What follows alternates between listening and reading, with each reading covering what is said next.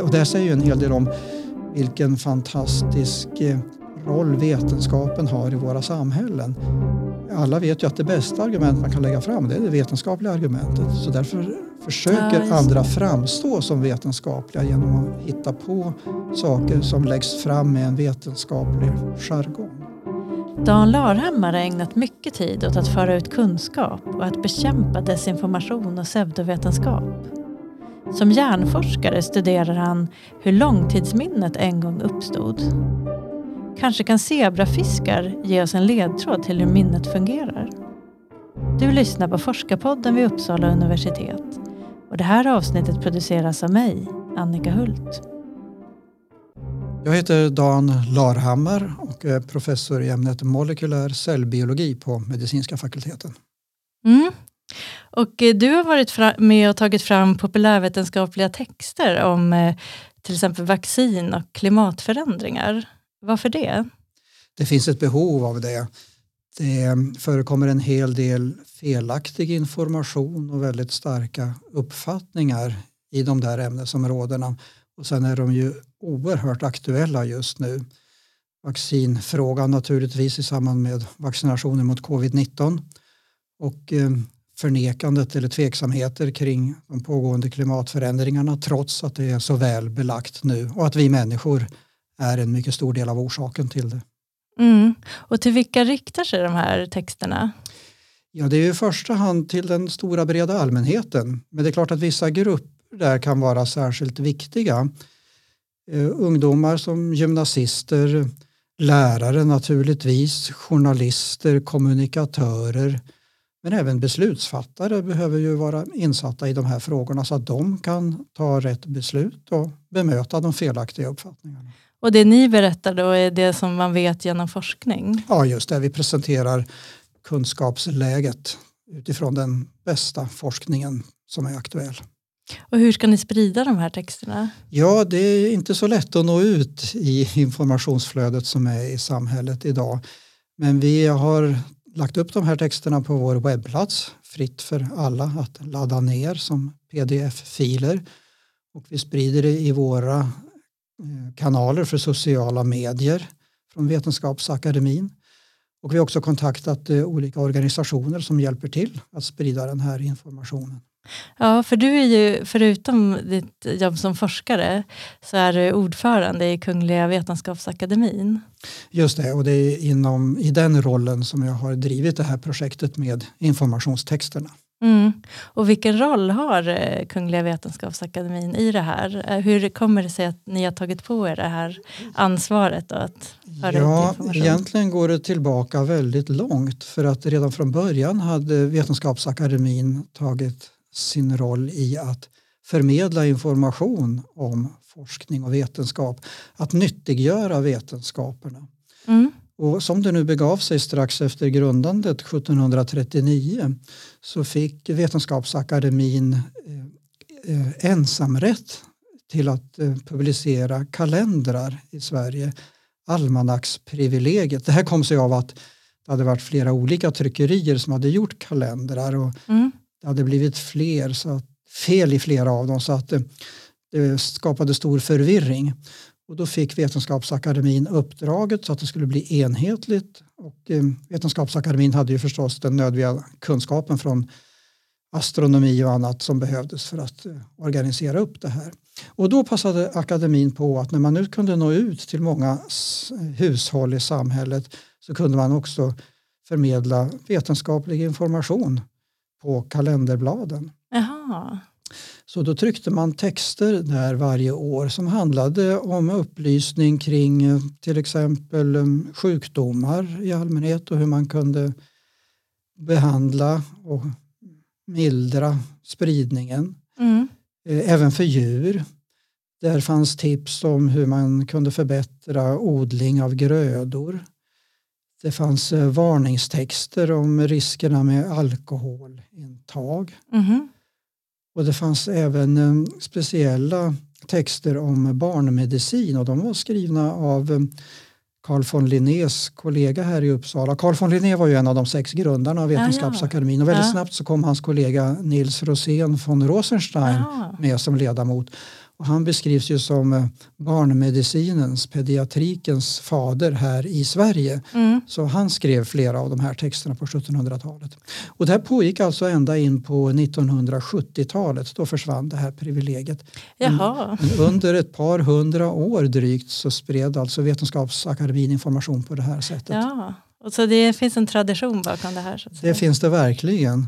Sen återuppväcktes det här kring millennieskiftet och strax efter det så gavs eh, tre, fyra texter ut med information och olika frågeställningar. Eh, Sen ebbade det ut men eh, några av de där texterna behövde uppdateras nu för det har kommit så mycket ny information. Så Mm. det var det jag tog initiativ till och i samband med det så har det då varit diskussionerna kring klimatfrågan och nu under de senaste två åren vacciner. Mm. Så att då prioriterade vi det. Så att vi har skrivit en helt ny text om vacciner och vilken fenomenal framgång det har varit för mänskligheten. En av vetenskapens allra största upptäckter och uppfinningar. Mm. Som det finns en stor rädsla kring idag då, Ja. i vissa grupper. I, vissa grupper, det är ganska få ändå. Vi har en väldigt hög vaccinationsgrad i Sverige och det ska vi vara väldigt glada för. Men det är några få som tvekar och eh, ibland finns det förstås en del rationella skäl till det. Men många gånger så är det missuppfattningar och ren Mm. desinformation och konspirationsteorier som gör att människor har fått för sig saker. Och det här måste man naturligtvis bemöta med fakta så att vi inte tappar skydd för hela befolkningen på grund av att några har missförstått saker och ting eller blivit felinformerade. Mm. Ett bättre sätt att beskriva det tror jag. Ja. Och som forskare i, i neurovetenskap så har du inriktning på hjärnans evolution, alltså hur hjärnan har utvecklats under miljontals år. Eh, olika delar av hjärnan. Vad är det du just nu forskar om? Ja, det som vi håller på med sedan några år är att försöka utröna en av de svåraste utmaningarna för vetenskapen, nämligen hur minnen uppstår och upprätthålls under lång tid. Alltså långtidsminnet vi vill förstå mekanismerna för. Och det där är ju väldigt komplext. Och det bästa sättet att förstå komplexa biologiska sammanhang det är att försöka lista ut hur det gick till när de uppstod. Och det är alltså den evolutionära processen som vi tar då som ett hjälpmedel att försöka förstå hur det här gick till. Mm. Och hur gör ni då eh, för att komma Ja. fram till det här? Det finns eh, hypoteser, välgrundade sådana, baserade på djurförsök om att vissa ämnen i hjärnan, vissa proteiner har en särskild roll när det gäller att stärka eller se till att bevara, konsolidera långtidsminnen. Mm. Men det är lite motsägelsefulla resultat och det mesta som är gjort är gjort i, i råtta och mus och då är det ju lite vanskligt att eh, försöka extrapolera det till hur det kan se ut hos oss människor. Så vi lägger till det evolutionära perspektivet och undersöker just de här proteinerna i zebrafiskar som är ett väl etablerat modellsystem för många biologiska funktioner. Och om det då visar sig, vilket vi tror, att det fungerar ungefär likadant i zebrafiskar som i mus och råtta, ja då kan vi vara nästan säkra på att så där går det till även hos oss människor. Och då har vi fått bra handtag på att försöka förstå detaljerna i det där maskineriet. Den stora utmaningen för neuroforskare rent filosofiskt det är att lista ut hur kan nervceller som har uppstått under utvecklingsbiologin i en individ, hur kan de få specifika minnen av sånt som vi stöter på senare i livet. Till exempel hur ens farmor ser ut och talar och rör sig. Man kallar det faktiskt på skämt lite grann som eh, farmors eller mormors neuronerna i hjärnan, the grandmother neurons. Mm. Vad är det som gör att de minns just henne och aktiveras varje gång vi ser henne eller tänker på henne? Just det. Och det är den specificiteten som är den filosofiska nyckeln till att förstå de här processerna. Och sen kan man ju bygga vidare på det. När vi väl börjar förstå de där mekanismerna så kan man ju tänka sig att det tar oss några steg närmare förståelsen av medvetandet och självmedvetandet. Mm. Det är svårt att tänka sig att man kan lista ut hur medvetandet fungerar om vi inte har kläm på hur minnesmekanismerna fungerar. För att medvetandet relaterar ju hela tiden till minnen. Ja, precis. Så det där hänger ihop. Ja. Så vi börjar med det grundläggande, maskineriet för långtidsminnena. Ja, och då tror ni att det då ser ungefär likadant ut i en zebrafisk som i en Ja, människa? Eller för det, att eh, genuppsättningen är faktiskt väldigt snarlik mellan fiskar i allmänhet och, och däggdjur. mm, Trots att det skiljer drygt 400 miljoner år så är genuppsättningen påfallande lik. Och det är för att de stora genetiska förändringarna de skedde 100 miljoner år tidigare i vår gemensamma föregångare, alltså i upprinnelsen till, dägg, till, förlåt, till eh, ryggradsdjuren ja, för 500 miljoner år sedan. Då skedde två stora genetiska förändringar. Hela arvsmassan fördubblades två gånger. Så vi gick, gick från en genuppsättning till två och från två till fyra. mm, Eh, Så att det uppstod en massa extra gener i den vevan. Och de Och- har lett till de här specialiseringarna som vi ser hos ryggradsdjuren. just det. Hur länge sedan var det sa du? 500 miljoner år sedan. Ja, Och det är forskare här i Uppsala som har varit banbrytande för att lista ut det här. Min kollega Lars Gustav Lundin som också var verksam på medicinska fakulteten på BMC. Han är i högsta grad min samarbetspartner fortfarande även om han är pensionerad. mm, Han var alltså en av de som hade de första och mest övertygande beläggen för att det var så här det gick till. Och hur kan man då komma fram till det här så lång tid efter Ja. själva händelsen? Det som han gjorde och som vi har fortsatt med det är att eh, se hur kromosomerna är organiserade i olika djur. Och då ser vi att vi har många gånger fyra snarlika kromosomregioner och det är för att de kommer från en gemensam urkromosom. Som då en kromosom blev två och två blev fyra i de här fördubblingarna. Och det där ser vi i hela arvsmassan, hela genomet. Mm. Så du, tror du att då minnet uppstod där någonstans? Där, där eh, vid den här händelsen då? När det, Vi vet att många gener som är inblandade i minnesmaskineriet fick extra kopior i den här vevan. mm, Eh, Så att det ju ligger nära till hands att anta att eh, mekanismerna blev mer intrikata, mer mångfacetterade när det blev fler gener inblandade. De kunde bli mer specialiserade och några kanske hittade nya funktioner som kunde bidra till det här.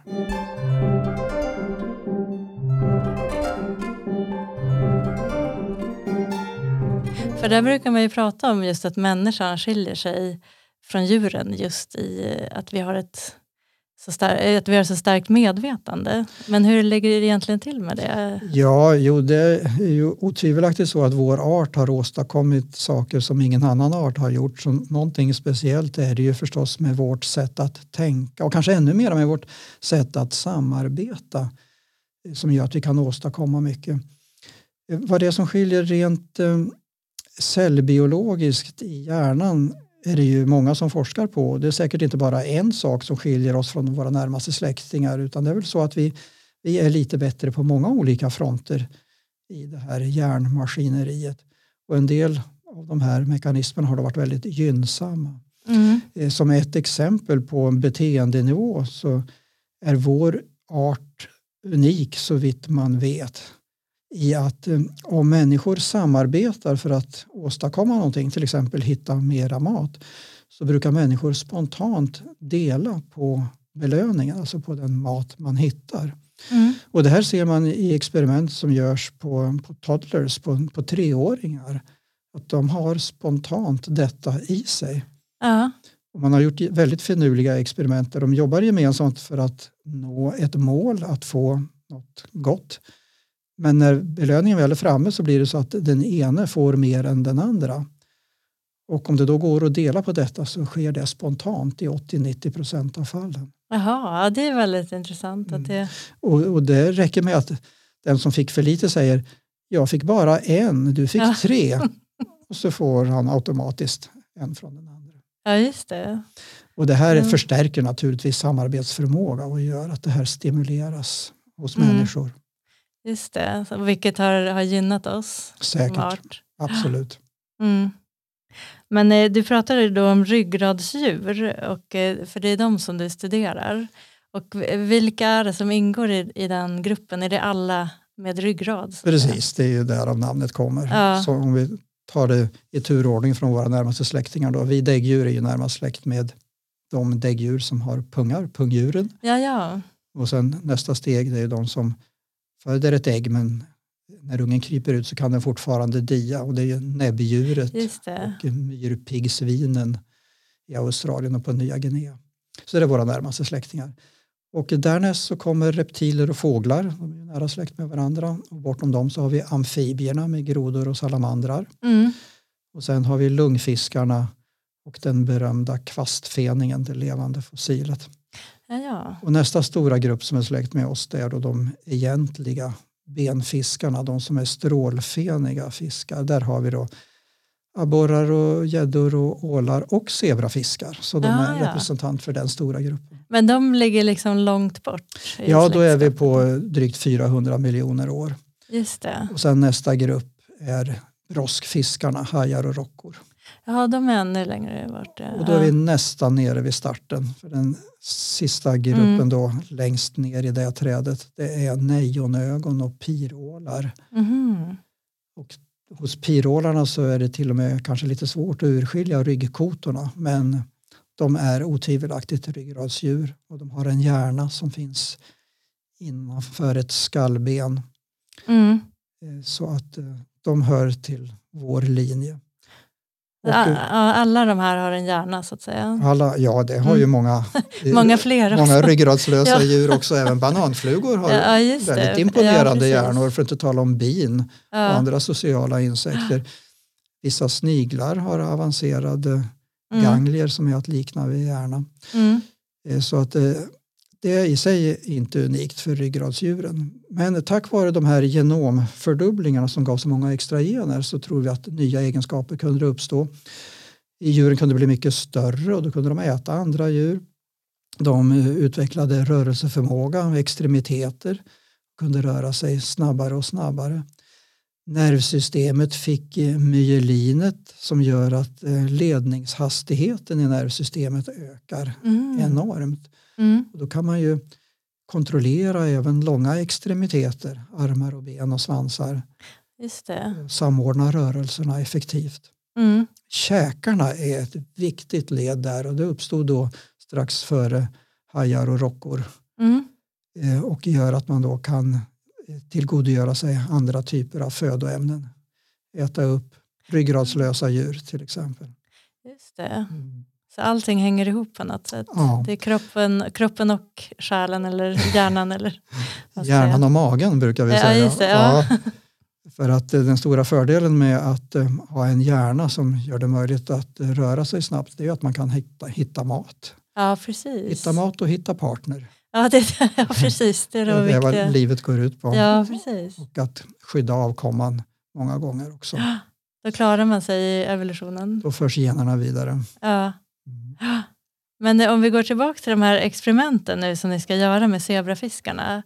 eh, Hur eh, ska ni testa deras eh, minne? Hur gör man Ja, då? då har vi alltså gjort så till en början att zebrafiskfaciliteten här på Evolutionsbiologiskt centrum har åt oss slagit ut den här genen som vi tror konsoliderar långtidsminnena. Och då förväntar vi oss att de här zebrafiskarna får försämrad minnesförmåga för långtidsminnet. Och det testar vi i små akvarier där en fisk får simma fram och tillbaka över en botten som har två olikfärgade zoner. Så i ena halvan eh, där det är en viss färg kan fisken vara lugnt och behagligt och den andra halvan av akvariet där det är en annan färg i botten. Där får fisken en svag stöt varje gång Mm. den simmar in. Och då får den alltså en motvilja till att vistas där och håller sig i andra änden. Och sen tränar vi fisken i ytterligare ett tiotal sessioner så att eh, den får ett bra minne av att det är på det där sättet. Man kan också växla de Mm. här zonerna så att färgen flyttas så att det inte är just den änden i akvariet utan det är färgen som avgör Mm. var stötarna kan utdelas. Nåväl, så väntar man ett tag, till en början kanske sex timmar och sen släpper man i fisken igen i det akvariet och ser var den föredrar att hålla till. Mm. Kommer den ihåg att den fick stötar över den ena färgen? Just det. Och eh, om fiskarna minns det, vilket vi inte tror att de här kommer att göra medan de som är intakta, alltså så Mm. kallade vildtyp, Mm. de bör ju komma ihåg det här. Mm. Sen kan man testa då efter 12 timmar, då får man ta andra fiskar förstås som har väntat i 12 timmar och så tar man andra fiskar som har väntat i 24 timmar. Mm. Och så kan man då gå vidare beroende på hur mycket minnesförmågan verkar ha försämrats. Ja precis, och långtidsminne är ju då, det, det, det är liksom när det hunnit gå ett tag. Ja. Vad som då finns kvar i Egentligen kan man betrakta allting bortanför en och en halv, två timmar som långtidsminne för det är ett Ja, det är nytt. Mm. maskineri som slår till då gentemot det här arbetsminnet som Just det. jobbar på sekund och möjligen minutskala. Mm. Eh, Det är helt andra processer också i nervcellerna som gör att man går över i den här långtidsfasen. Mm. Nervcellerna jobbar på ett annat sätt då. Just det. Och, och vad kan då den här forskningen leda till? Om man nu lär sig mer om, om minnet och var det sitter i hjärnan. Ja, om vi förstår att det är de här proteinerna som är avgörande för den här processen då kan man eh, gå in på att hur de regleras. Det kanske går att förstärka den här mekanismen så att man kan bevara minnen bättre. Och det vill vi ju absolut kunna göra i de här neurodegenerativa sjukdomarna som Mm. Alzheimers sjukdom men även flera andra. Där det i slutändan ju är så att många nervceller dör och då försvinner ju minnena. Men kan vi upprätthålla de här processerna längre så kan man i alla fall bromsa minnesförsämringen. Man kanske också kan stimulera kvarvarande celler att få en förbättrad inlärningsförmåga också så att det går att skapa nya långtidsminnen. För den förmågan försvinner ju också hos Alzheimer-patienter. Just det. De Ja. lever i ett, ett nu och i ett förr men det går inte att skapa nya långtidsminnen som är tillgängliga. Mm. Och den här gruppen blir väl allt större också i samhället? Ja, eftersom befolkningen åldras i alla länder i hela världen så kommer det ju bli tiotals och hundratals miljoner människor, snart miljard, som, har, som får de här problemen. Och det här är ju väldigt viktiga frågor som även forskare inom andra ämnesområden håller på med. Händer det att ni har kontakt och diskuterar det här med minnet till exempel? Ja visst, det här är ju en intrikat utmaning för forskare inom alla aspekter på neurobiologi och psykologi. Eh, vi skulle kunna träffas oftare och diskutera det här. Eh, det är ju eh, kan man säga ett stort gap mellan att jobba här nerifrån detaljerna uppåt, bottom up, gentemot att börja med själva minnesproblematiken och beteendet jobba top down och se hur man kan träna patienter som har problematiken att försöka bromsa sjukdomsförloppet. Så att det är viktigt att jobba på de här olika fronterna och sen ska vi väl förhoppningsvis mötas någonstans på mitten med våra kunskaper och förena dem så att man kan förbättra situationen för patienterna.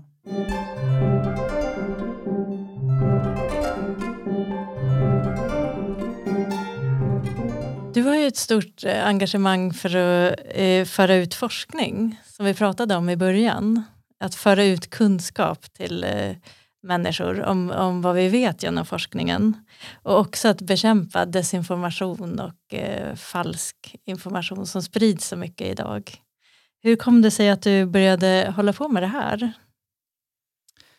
Ja, mitt intresse för pseudovetenskap som läggs fram som om det vore vetenskap det kom av ett antal incidenter. Både personer som förnekade evolutionen eller personer som förespråkade vissa alternativmedicinska läror jobbade med pseudovetenskap. Alltså de påstod att de hade vetenskapliga belägg fast de inte hade det. Och det här gjorde mig från början väldigt förbryllad och ganska beklämd att människor kunde jobba på det sättet. För många av de här visste bättre men de selekterade information och de förnekade motsägande fakta. Och det gjorde att jag blev intresserad av psykologin bakom det. Och I den vevan så var det också en, en riksdagsledamot som motionerade om att eh, skapelsetroende personer skulle inte få diskrimineras i Sverige. Och det kan man ju naturligtvis hålla med om. Men jag började gräva lite i det där och undrade vad det var som låg bakom en sån udda motion. Och det visade sig att det var en riksdagsledamot i det kristdemokratiska samlingspartiet som det hette då som hade träffat en person som hade känt sig motarbetad mm. på sitt universitet. Och det var inte inom ett biologiskt ämne ens. Det, var liksom, det bidde ingenting kvar när man började granska det där. Men det skrevs en hel del om det i tidningarna och i den vevan så upptäckte jag att det finns en organisation som heter Vetenskap och folkbildning som jobbar just med att bemöta felaktiga påståenden förklara på ett lite djupare plan varför de här missförstånden uppstår och, och sprids. Och vetenskap och folkbildning är med i ett internationellt nätverk av så kallade skeptikerorganisationer. Det är inget bra namn det där, men det är alltså mm. organisationer som, som undersöker påståenden. Även om de förefaller bisarra så tar man reda på varför har de där uppstått och varför sprids det här. Mm.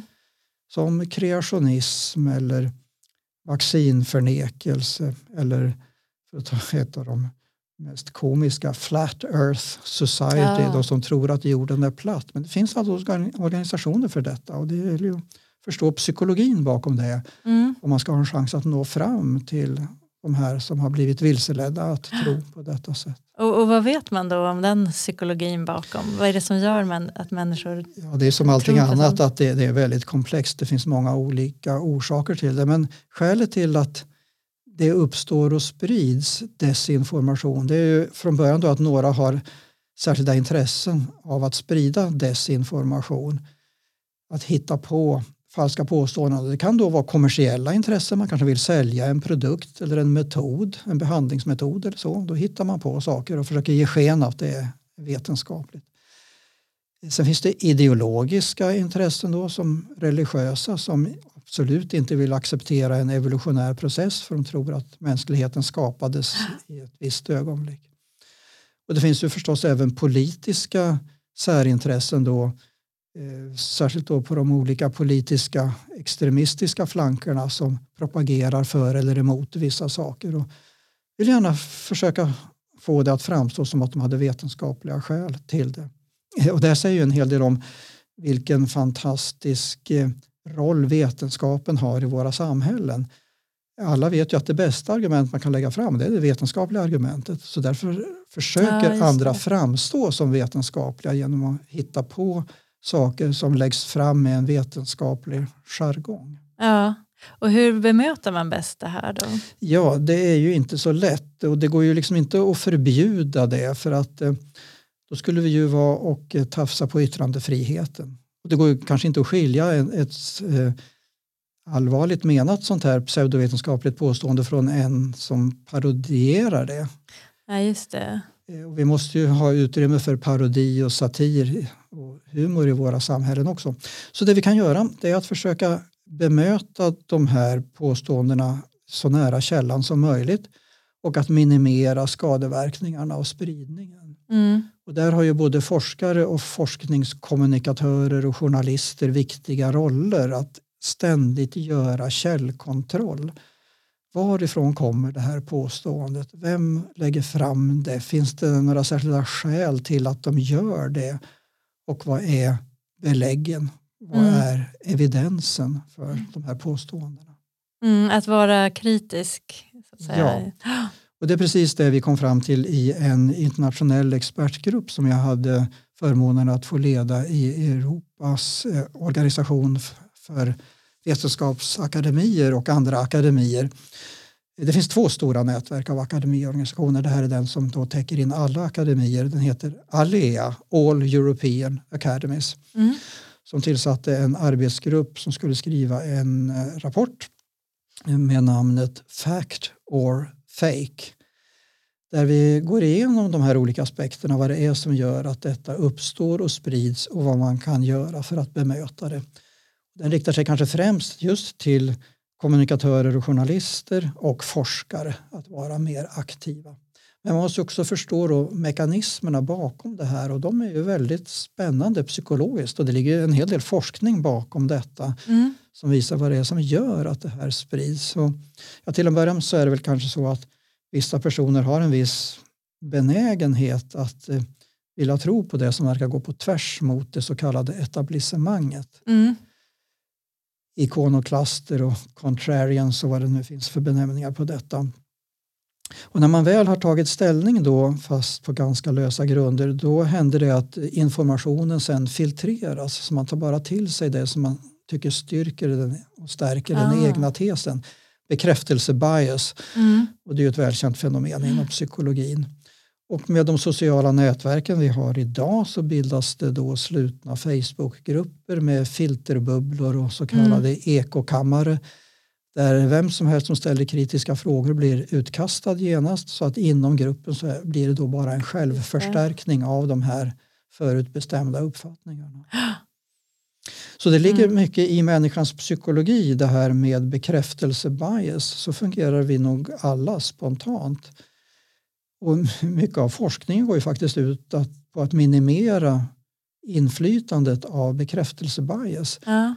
Metodprotokollen inom alla vetenskaper görs så att de ska minimera risken för det. Just Så att det. man kan dra så objektiva slutsatser som någonsin är möjligt och att ständigt utmana hypoteserna istället för att söka bekräftelser. Ja, så det där är ju ett, eh, ett viktigt ansvar för forskare då, att, att, att eh, även i sin egen forskning vara noga med det här. Absolut, både i sin egen forskning och samtidigt förklara i samhällsdebatten att det är på det här sättet vi jobbar för att eh, nå kunskap som är säkrare.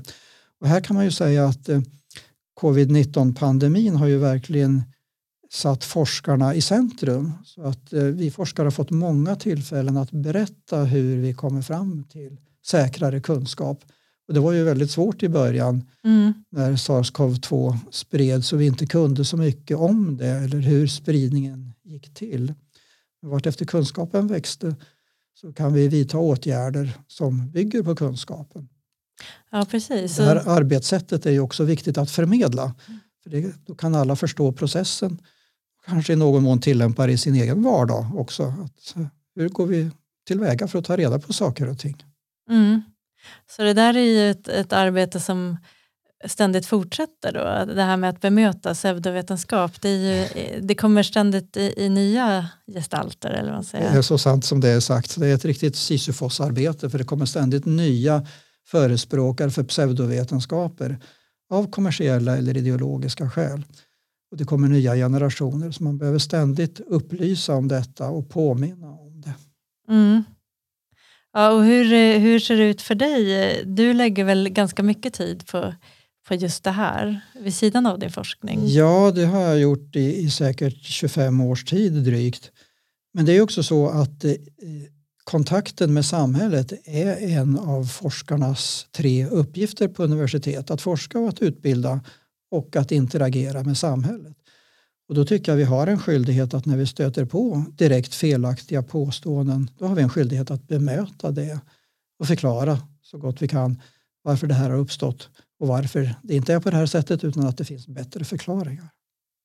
Ja, eh, men det är ett väldigt viktigt arbete du gör och eh, lycka till i fortsättningen. Tack så Eh, mycket. Tack för att du kom. Tack. Du har lyssnat på Forskarpodden med forskaren Dan Larhammar. Följ oss på Podbean, iTunes, Spotify eller andra poddläsare. Kontakta oss gärna i sociala medier på hashtag forskarpodden eller på universitetets webbsida uu.se forskarpodden. Jag heter Annika Hult och Forskarpodden produceras av Uppsala universitet med musik av Marcus Sjöblom.